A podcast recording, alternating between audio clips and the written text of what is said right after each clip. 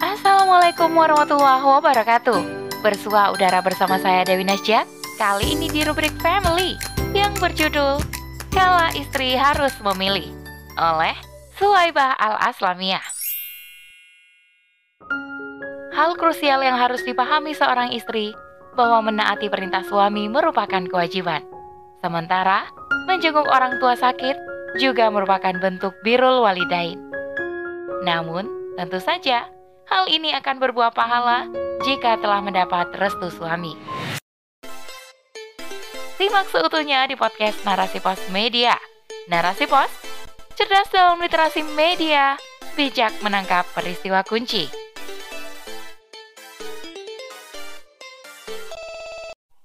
Bun, sabar ya.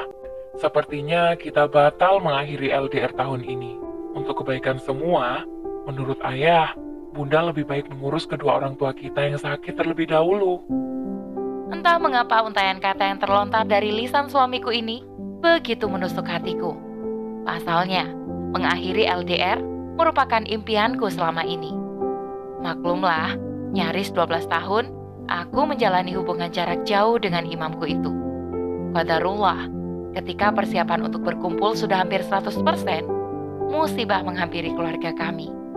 Ibuku mengalami serangan jantung dan harus menjalani rangkaian pemeriksaan medis, begitu pula ibu mertuaku yang sudah lama mengidap penyakit kronis.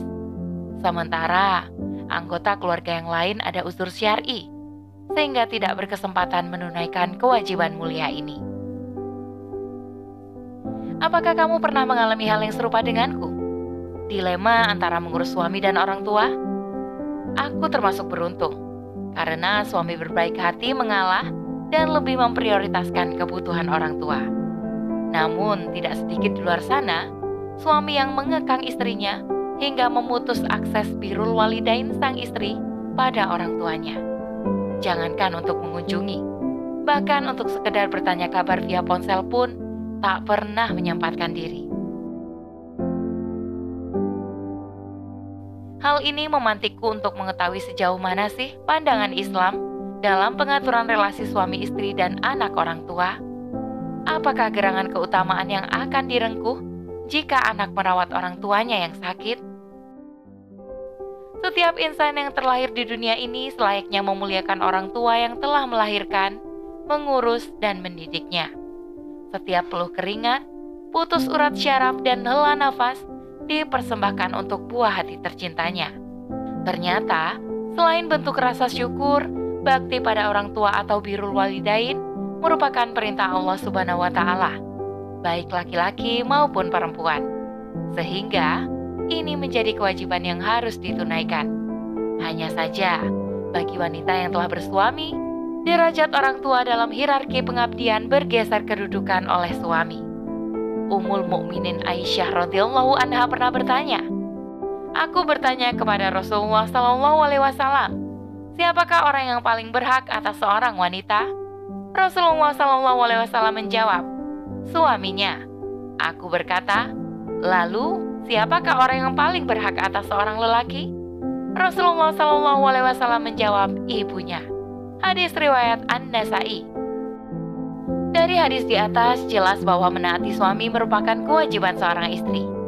Tentunya, ia tak diperkenankan membangkang terhadap perintah suami demi melaksanakan sesuatu yang tak wajib. Namun, bagaimana jika orang tua istri sakit dan ia ingin menjenguk bahkan merawatnya? Jika suami ridho dan mengizinkan, tentu saja ini bukan masalah. Maka ia sangat beruntung karena di saat yang bersamaan ia mendapat dua keutamaan, yakni menaati suami dan menjadi birul walidain. Namun lain soal, jika sang suami tak memberikan restunya, di sinilah sang istri dituntut untuk mempertimbangkan pilihannya. Dalam konteks di atas, beberapa ulama berbeda pendapat. Para ulama Hambali melarang istri keluar rumah kecuali dengan izin suaminya. Sementara itu, para ulama Hanafi justru membolehkan istri menjenguk orang tua dengan atau tanpa izin suaminya. Hanya saja, untuk konteks merawat orang tua yang itu memakan waktu lama, perlu ada pendalaman lagi. Pandangan lain terlontar dari para ulama Syafi'iyah yang menyatakan bahwa suami memang berhak melarang istrinya, tetapi sebaiknya sang suami tak melakukan pelarangan tadi sebab akan menodai hak-hak istri. Terlepas dari perbedaan pendapat para ulama ini, hal krusial yang harus dipahami adalah seorang istri menaati perintah suami merupakan kewajiban. Sementara menjenguk orang tua sakit juga merupakan bentuk birul walidain. Namun, tentu saja hal ini akan berbuah pahala jika telah mendapat restu suaminya.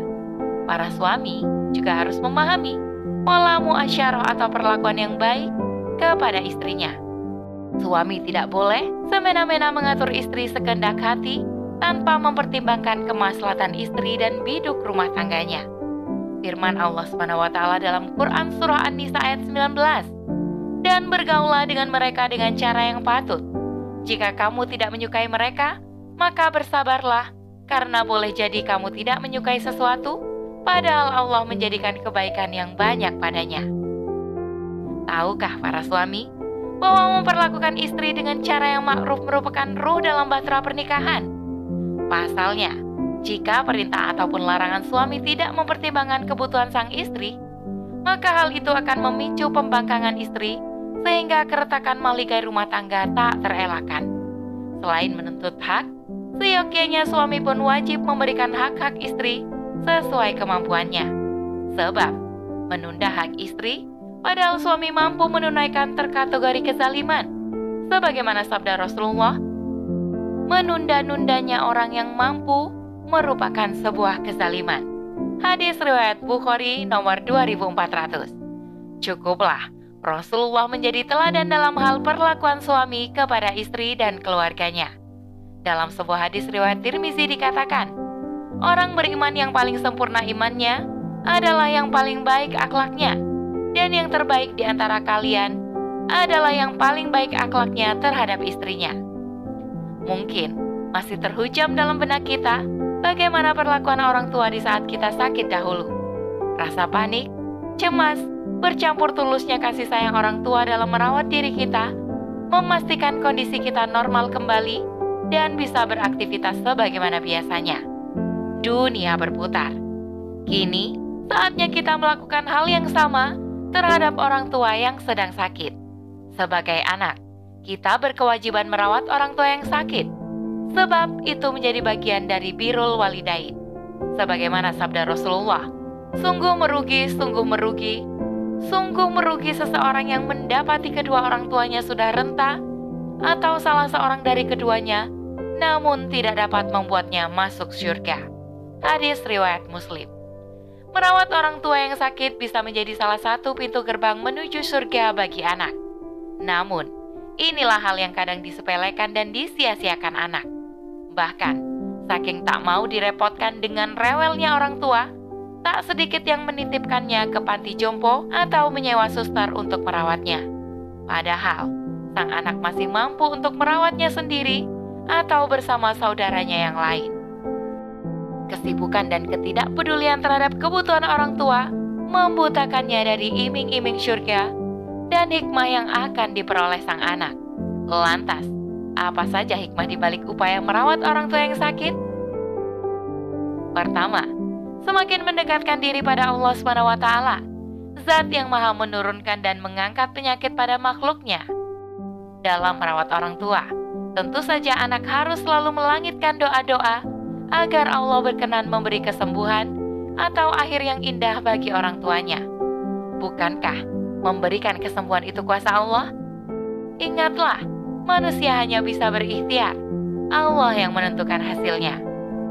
Kedua, melekatkan hubungan anak dengan orang tuanya. Interaksi yang berkesinambungan ditambah dengan untayan ketulusan yang terpancar pada hangatnya tatapan mata dan lembutnya perlakuan anak kepada orang tua akan meluluhkan hati orang tua. Hingga tanpa diminta dengan penuh keridoan, akan mengalirkan restu dan doa yang tak terputus untuk anak tercinta. Ketiga, mempererat kedekatan dengan anggota keluarga atau saudara yang lain. Jika upaya merawat orang tua dilakukan secara bersama-sama, maka akan terasa lebih ringan. Orang tua akan merasa bahagia menyaksikan keharmonisan dan kekompakan keluarganya. Secara tidak langsung, akan memompa semangat untuk kesembuhannya. Keempat, sebagai sarana belajar praktis bagi putra-putri kita dalam menerapkan konsep birul walidain. Tak cukup teori, buah hati kita pun butuh teladan terdekat dalam mengamalkan kewajiban ini. Jika anak keturunan kita menyaksikan ketulusan dan kesabaran kita dalam merawat orang tua, maka kelak ini pula yang harus dilakukan mereka ketika mendapati kita sudah renta dan tak berdaya dimakan usia dan dirundung penyakit lansia. Jika seorang anak telah berhasil melewati ujian ini dengan penuh keikhlasan dan kesabaran, maka akan menguntungkan keduanya. Bagi orang tua, memiliki anak saleh akan menjadi gerbang pahala menuju surga. Begitupun bagi anak, amalan merawat orang tua akan menjadi pundi-pundi pahala menuju surga. Ini berarti, jika sang suami memberikan izin kepada istrinya dan keduanya bersepakat untuk saling mendukung dalam hal pengabdian pada orang tuanya yang sakit, maka dapat dipastikan keberkahan dan keridhaan orang tua yang juga menjadi keridhaan Allah Ta'ala akan terus mengalir pada rumah tangga pasutri ini. Bukankah kita tak pernah tahu pintu mana yang bisa mengantarkan kita pada janahnya? Kehidupan berumah tangga memang harus dilandasi prinsip mubadalah atau kesalingan. Tak diperkenankan egoisme salah satu pasangan mendominasi. Sebab Islam telah mengatur sedemikian rupa hak, kewajiban, dan peranan suami dan istri untuk saling melengkapi. Jika semua kekhasan itu dijalankan dengan penuh cinta, komunikasi yang lancar, dan kesadaran akan kebutuhan pasangan, maka akan terwujud keluarga sakinah, mawadah warahmah yang didamba semua insan. Sehingga tidak akan ada lagi dilema antara memilih suami atau orang tua. Sebab semua telah saling memahami. Wallahualam bisawab.